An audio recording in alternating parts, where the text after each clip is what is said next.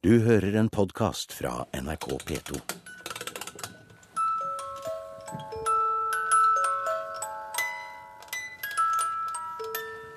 Ja, her er jo julegatene tent i, i julegata på Maihaugen. Ja da, det er det. Med apotekerens leilighet og apoteket og, og butikkene her i Storgata. Og det har utvikla seg til eh, å bli et stort marked med et veldig bredt eh, innhold. Og nettopp å kunne gå inn i jula i forskjellige tider. Å gå inn i julen i forskjellige tidsaldre, det går fint an på Maihaugen på Lillehammer. Og litt senere skal vi bli med konservator Kåre Hosar til boligfeltet og banke på i desember 1950. For det er samtidshistorie som skal være den røde tråden i museum i dag. Nær sagt bokstavelig talt, for vi skal besøke den nye utstillingen Tusen tråder, som handler om hverdagstekstiler. Fra isbrefunn til arbeidsklær på 1800-tallet. Men vi starter i Opplandsarkivet, avdeling Maihaugen. Det er utrolig. Tolv uker. Det har gått veldig fort. Og det har vært veldig inspirerende uker å være sammen med dere. Entusiastiske. Liksom Her er vi midt inne i prosjektet Skrivestue for pensjonister. Bruk av arkivkilder. Med støtte fra Kulturrådet har en gruppe på 18 pensjonister kommet sammen en dag i uka i hele høst for å dukke ned i gamle bilder og dokumenter, brev, kirkebøker og arkivesker. For så å komme opp igjen med egne, nyskrevne historier. Ingenting er så vakkert som en solfylt vinterdag, tenker Rakel, idet hun kaster et blikk utover den snødekte dalen. Hun trenger noe vakkert å se på. Det er fire dager siden den stygge ulykken, og den sitter fortsatt i Det står en hel del av deltakerne her. Og hva er ditt navn? Rolf Rose Andersen. Eh, Rolf, du har vært med på dette kurset og brukt som utgangspunkt arkivmateriale for å bli inspirert. Ja. Hvordan fungerer det? Jo, det fungerer bra, fordi um, man får litt mer lyst til å skrive. Og det setter også opp en slags disposisjon for det man skal skrive. Hva slags type arkivmateriale har du sett på eller brukt? Vi har, eh, det har vært litt forskjellig, men eh, vi har, vi har gått mye fra bilder. Vi har fått et bilde, gamle bilder som vi har skrevet en historie om. Ellers så er det arkivmateriale så langt tilbake som omtrent kirkebøkene går. Da. Jeg kikker litt rundt meg. Hva er ditt navn? Randi Høstmeldingen. Hvordan har du hatt det på kurset her? Jeg har hatt det veldig bra. Jeg meldte meg på bare på impuls, jeg, for jeg tenkte dette er morsomt. og Jeg har alltid likt å skrive, så det har vært en fin opplevelse. Da Gi meg et eksempel på hvordan dere bruker arkivmateriale. Da jeg har skrevet om en kjent Lillehammer-dame, og da er det Marit da, som fant en stor mappe som jeg har gått gjennom. Så jeg måtte jo ta ekstra dag på Opplandsarkivet for å gå gjennom materialet. Så det var veldig interessant. Og etter at du hadde gått gjennom dette arkivmaterialet, hva var det du skrev da? Det ble veldig humoristisk historie, fordi hun var, en humor hun var i grunnen ikke en humoristisk dame, men hun sa veldig mye humoristisk. Så det går an å være det òg. Ja. Ole, jeg har lyst til å spørre deg om å få navnet ditt først. Det er Ole Røthe. Ole Røthe. Ja. Eh, du har jo arbeidet med nær sagt eh, det trykte ord i hele ditt liv. Ja, det har jeg gjort. Og jeg har eh, produsert bøker og ikke skrevet. Nei, For Så- du har fortalt meg at du har arbeidet i trykkeri. Ja, jeg har arbeidet i aviser og trykkeri. Hva skal du bruke den evnen du nå har fått til å samle arkiv og se si, tråder i det osv. Hva skal du bruke det til? Ja, jeg skal bruke det til å utvikle videre den uh, boken som jeg har skrevet hjemme. Fordi at uh, jeg har skrevet helt fra det jeg husker fra jeg var tre år, og helt fram til nå. Altså, du skriver om ditt eget liv? Bare mitt eget liv, ja. Så Ja, håper å si, Hva skal du med det, da? Jeg vil at de som kommer etter meg, skal vite litt hvem var den her eh, mann. Hvem var han? Og da får de vite alt jeg har vært med på, og alt jeg har gjort gjennom livet. Både personlig og i arbeidslivet. Har dette kurset her vært noe hjelp for deg i oh, den ja. sammenheng? Ja. Det har det virkelig vært. Og de korreksjonene som jeg har fått uh, også, har vært veldig Veldig bra for meg. Fordi at jeg er litt omstendelig når jeg skriver. Ja. Eh, Marit Hosar, du har fått skryt av mange her nå. Det er du som står bak alt dette her, og så mye annet også, som Opplandsarkivene gjør. Eh, dette med å bruke arkivmateriale for å inspirere til egne historier, det er kanskje ikke helt vanlig i arkivsammenheng, det? Ikke helt vanlig. Men du kan si vi er vant til å forholde oss til forskere som kommer og skal skrive lokalhistoriske bøker, eller ulike typer forskningsrapporter. Men jeg ønska at eh, mange flere skal være med og se hva slags skatter som ligger nede i magasinene, og at de kan uttrykke historier på veldig mange forskjellige måter. Om du skriver dikt, om du skriver en kriminalhistorie, eller bare en liten epistel eller minneoppgave, eller kanskje en faktaartikkel. For når noen skriver en minneoppgave, eh, eller skriver en historie med egne opplevde erfaringer fra en av bedriftene her i byen, så får vi da sånn supplement til det som står i sjølve bedriftsarkivene. Mm. Men er det det dere sikter mot? Å få inn flere privatarkiver, f.eks.? Det er jo en av målsettingene, men vi ønsker jo også ikke bare at de skal komme inn, vi ønsker at de skal brukes. At folk skal kunne finne kunnskap i de materialene vi har liggende her, og kan formidle det til andre. Derfor dette her skrivekurset. Og vi har jo hatt veldig god hjelp av forfatter Magnhild Bruheim, som har leda skrivearbeidet. Og inspirert og korrigert og retta opp. Og, sånn at eh, både jeg og flere andre har fått mange gode tips i hvordan vi skal formidle historier. Denne sykkelen er vel ikke med, Kirsti? Jo, den er faktisk et velkommen til utstillinga, den. Den tilhørte Gunvor Ingstad, søstera til Helge Ingstad. Hun var den første kvinna som fikk fast stilling på Maihaugen. I vår førjulsvandring rundt på Maihaugen er vi på vei inn i Tusen tråder, en historiefortelling i tekstil, som denne nye utstillingen heter.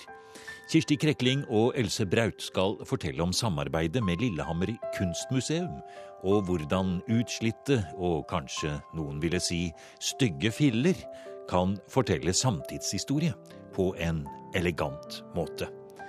Og den godt brukte damesykkelen med skinnsete, den brukte Gunvor Ingstad når hun reiste rundt for å registrere og kjøpe inn de aller første tekstilene til de sandvikske samlinger i mellomkrigstiden.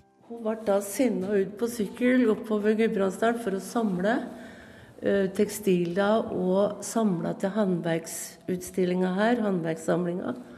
Og hun har sykla mer enn noen tror, opp og ned dalen for, eh, for Anders Sandvik.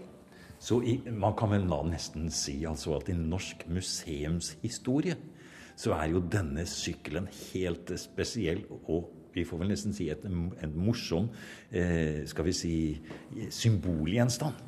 Ja, og et lite apropos kanskje til hvordan det var å arbeide på museum i, i de tider. Og tilfellet ville da at vi fikk den sykkelen i gave i høst. Ja, Else Braut, nå kommer vi inn i en stor sal her på Maihaugen, som er så langt øyet rekker fulle av tekstiler, og vi skal snakke litt om den. Og helt først, det første vi støter på, det er noe dere har lånt inn fra Kulturhistorisk museum i Oslo, og det er ikke hva som helst tekstiler som ligger her. La oss, la oss like gjerne begynne der. Mm. Det man ser her, er Midt på her ligger noen tekstiler som ikke tidligere er utstilt eh, på museum. Det er de siste funnene fra breen, Lendbreen i Oppland, eh, som ble funnet i fjor sommer i forbindelse med issmeltinga. Eh, Og den mest bevarte tingen som vises her, er en liten vott. Og den peker du på nå, og det er en Ja, du får si farven. Vi, eh, Den er grønngrå ullvott. Ganske liten i størrelse. eh, Og den er sydd sammen med lintråd. kunne nesten lure på om den har tilhørt et barn eller noe sånt. Ja, muligens barn eller en liten kvinnehånd. Um, disse tekstilene er ikke ferdig analysert ennå. Um, men det er forskjellige teorier knytta til dette. F.eks. om den kan krympe mens den lå i isen. Men det mener man at det har den ikke gjort i særlig grad. Så denne skal være ganske riktig i størrelsen. Utrolig flott, da. Og vi ser det er sydd Vi ser tydelige sting der. Kan du forklare det? Denne, er det en hvit tråd som vi ser her? Eller, eller, er, eller, er, det ikke sting, kanskje? Jo, den er sydd sammen med dobbel lintråd. Mm. Fantastisk. Og du sier den er funnet da når breen trakk seg tilbake, Lendbreen i Oppland. Mm. Eh, hva vet man om datering her? Man antar at dette er fra vikingtid. Mm -hmm. Altså ca. mellom 800 og slutten av 1000-tallet. Um, disse tekstilene skal bli um, C14-datert, men det er ikke klart ennå. Og så er det et uh, tekstilfragment her som er, uh, som er blålig, og man antar at dette er farga med vaid. Er det en plante? Det, en plante, ja. Ja. Mm. Og kan, det, det, fragmentet ser ut som noe som er revet løs av en skjorte eller en, et eller annet eh, plagg. da. For det, det, er tydelig å se at det er, det er, revet av. Akkurat som det skulle vært hengt fast i noen om noen har sprunget av sted eller noe sånt. For slitesporene der det er revet av, er veldig tydelig. Og den blåfarven den kommer også helt tydelig frem. 20-30 cm kanskje langt og sånn 3-4 cm bredt eh, fragment. Veldig flott. Mm, veldig flott. Og disse funnene ble jo gjort eh, rundt samme sted der den kjortelen oh, ja. eh, ble funnet i fjor, som har vært utstilt i Lom i sommer, og nå skal tilbake til Kulturhistorisk museum. Og dette er ting som, er, som vekker veldig stor interesse internasjonalt. Mm. Så det er jo veldig flott at vi kan vise de her. Mm, fantastisk monter. Og den danner da en innfallsport til hele resten av eh, utstillingen her. Og det rommet vi står og ser utover, det er da historiske tekstiler. Det er uh, tusen tråder. Kirsti? Så absolutt. Vi går da helt fra vikingtid, som eh, det har blitt sagt her, og fram til 1900 ca. Og det er kvinneverk, alt sammen. Vi går videre innover her, ja. Fra islender og kjoler og dokker og broderier så kommer vi ned til nesten jeg må nesten kalle for en eh, montasje. Og der kjenner jeg også igjen en bluse, en rød bluse, som er posterblusen her. Ja, og det her er rett og slett bilde av eh, en del tekstiler vi har i museet som har fungert som isolasjon i hus. I to forskjellige hus. Det er kasserte tekstiler, på en måte? Alt sammen. Ja. Det er en totalt utslitt bukse. Det er helt utslitte Det ser nesten ut som barneklær, noe av det. Mm. Eh, som kanskje har gått i flere generasjoner. Og så er det jo så farverikt. Og så er det jo satt opp som et kunstverk. Dette var virkelig flott. Ja, og det er noe skjortebryst, det er deler av et korsett. Er det korsett, ja? ja. ja. Med så flotte farver. Mm. Er det fordi de har ligget helt mørkt inni en vegg? Antakeligvis. Og det er litt rart det med farger, hvis en tenker på hva slags vaskemidler som ble brukt. For det var jo ofte såpa lut, blant annet. Og den er sterk. Men eh, i hvert fall så har det vært godt brukt før det har kommet inn i veggen. Og det er helt utrolig, det med farger. Og det er altså så farverikt, og det er så også rikt på historier, får vi nesten si. Ta denne lille, skal vi si, avrevne, i stykker revne Ja, hva er det? Det er et kjoleliv med et glatt bærestykke og litt rynka øverst og tatt sammen i livet, sånn at det blir litt sånn posefasong. Og rynka på armene så de er litt vide og fine. Og en rysj i halsen. Og mor hadde kanskje akkurat samme snittet på sin kjole. Så ser du de har, de har kanskje klippet av en bit, og det var ikke brukbart til noe som helst lenger, og derfor så havna det i veggen. Det var jo det eneste isolasjonsmaterialet som fantes, ved sida av ull kanskje. Og ellers så var det veldig lite av den type bygningsmateriale. Kan man tenke seg en si, gjenstand som kan bære mer historie enn totalt utslitte arbeidsklær, både fra barn og voksne, som etter endt tjeneste nær sagt, ender opp inni veggen og nå står her på museum. For en historiebærer dette er. Overraskende? På en måte, ja. Men vi ble nok òg litt, eh, litt tankefull, vi da, Kari Steihaug, som er kunstner, og som har blitt invitert til Maugen med prosjektet sitt, som vi står midt inne i nå.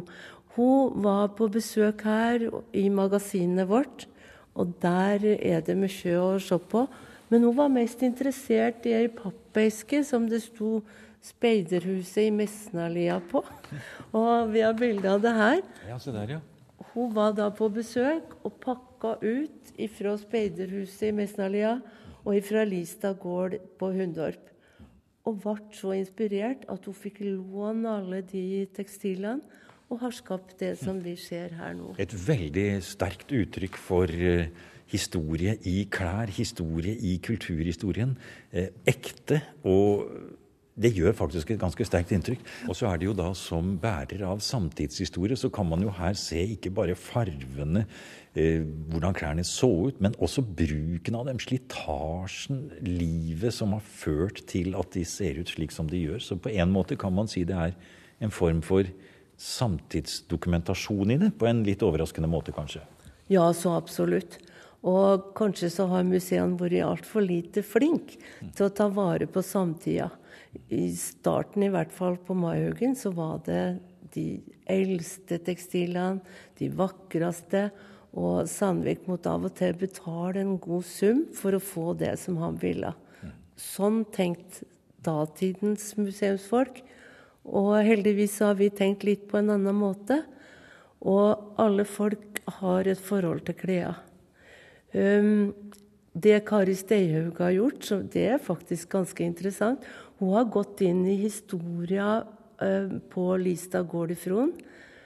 Og sett på bilder, intervjua gamle tanter, slektninger, for å finne ut hvem er det som har brukt de forskjellige plaggene her.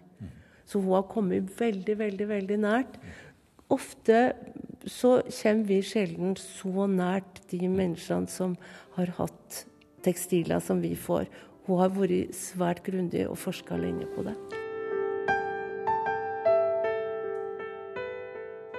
Tusen tråder er et veldig spennende og nyskapende samarbeid mellom Lillehammer kunstmuseum og Maihaugen, som inneholder mye mer enn vi får med her. Kanskje er det en av de flotteste museumsutstillingene i Norge på mange år. Nå er vi på vei oppover i boligfeltet. Der ser jeg en sånn funkisvilla til høyre for oss her nå. Er det 1930-tallet, eller? Det er 30-tallet, ja. Slutten av 30-tallet. I starten av programmet lovte vi et besøk til 1950-tallet for å se hvordan julepynten så ut for 60 år siden. Så vi blir med konservator Kåre Hosar opp i boligfeltet på Maihaugen.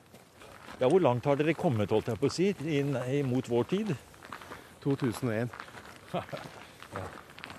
Her kan eh, alle aldersgrupper kan, eh, kan mimre. Ja.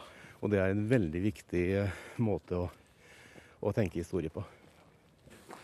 Og det som er poenget eh, her, Kåre, det er jo at absolutt alt skal være autentisk og riktig, slik som det var fra den valgte perioden. Alt fra panel, farver, utstyr, det som er inni skapene, i skuffene, overalt. Det skal, skal helst være det. Alt, ja. Ja. Så du virkelig skal få et bilde av hvordan folk bodde. Eh, Rett og slett et bilde av hverdagslivet, hele livet i huset her. Så nå skal vi inn og feire 50-tallsjulen, da? Ja, det skal vi. Da går vi opp på trappa her. Sånn med hånden i dør og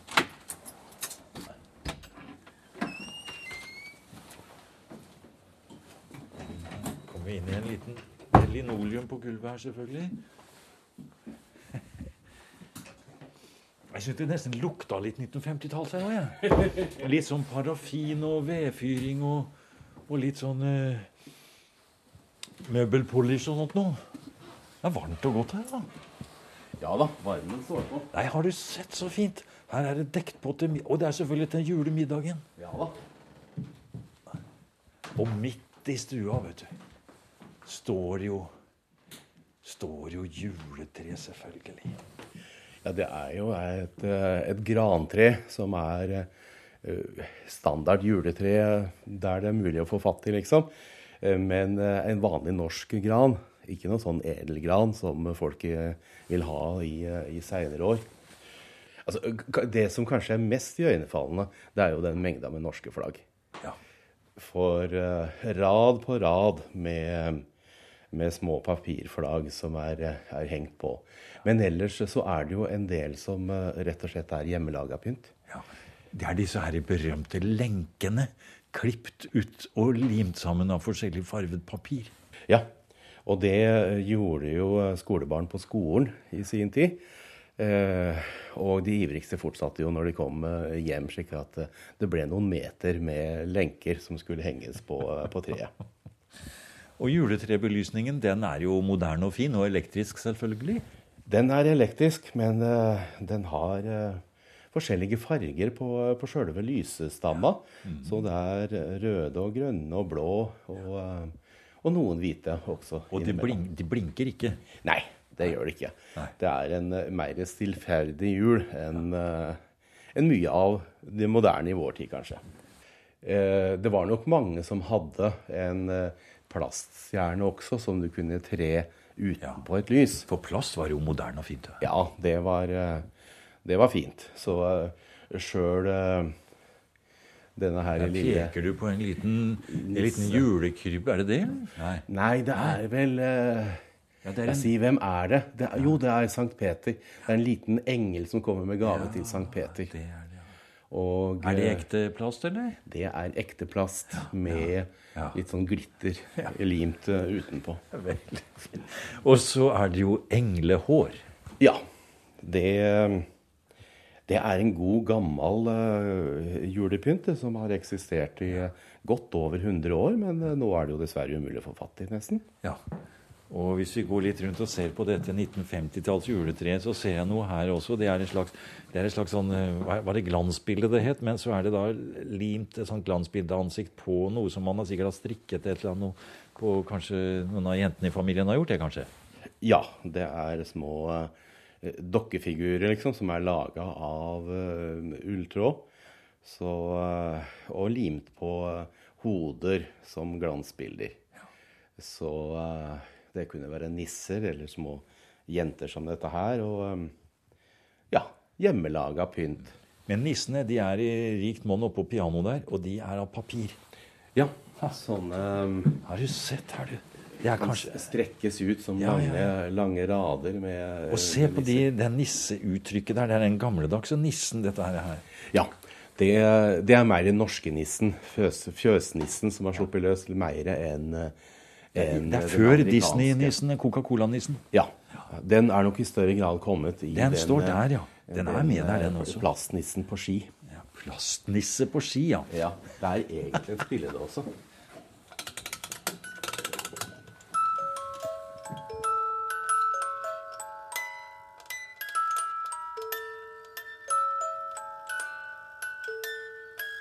Det er altså en nisse som sitter på en slede her, eh, som er med gule og grønne og røde selvfølgelig piperensere.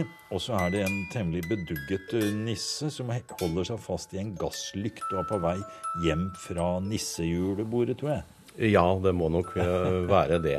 ja. Og med um, kreppapirhode og ja. uh, en sånn pappmasjé uh, Sjølve hodet og sånt. Lua var av kreppapir. Bare de to ordene der, de er jo 1950-tallet. ikke sant? Pappmasjé, kreppapir. Hvis du da legger til piperenser og, og bomull og vatt, så er det jul på 1950-tallet. Og spør du en tenåring i dag, så er det ingen som veit hva en piperenser er. Så uten at vi sjøl er klar over det, sjøl om vi har tenkt å beholde alt gammelt og sånt nå, så, så lar vi oss påvirke og følger tida utrolig mye. Så først i ettertid nettopp ved å komme på museum da, eh, for mange, så oppdager man hva som faktisk er blitt borte. Og den samlinga her med, med, hus fra, fra 50-, 70-, 80-, 90-åra, det er eh, Det blir en aha-opplevelse for folk å komme her og se hvordan eh, livet i hverdagen har forandra seg i løpet av ens egen levetid. Og kanskje da noe så tungt av historie og tradisjon som det julefeiring er. Man tenker kanskje at da tar vi fram de virkelige gamle tradisjonene. Jula den er sånn som den alltid har vært. Men når vi står her i 1950-tallshuset, så vet vi godt at jula er ikke sånn som den alltid har vært. Nei, og jula har aldri vært sånn den alltid har vært. Nettopp fordi at det har forandra seg.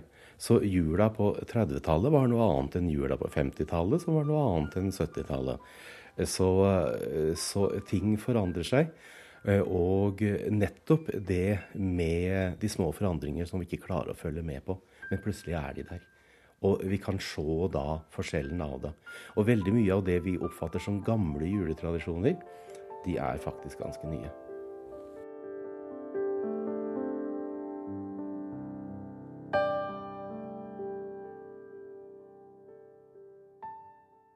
Du har hørt en podkast fra NRK P2.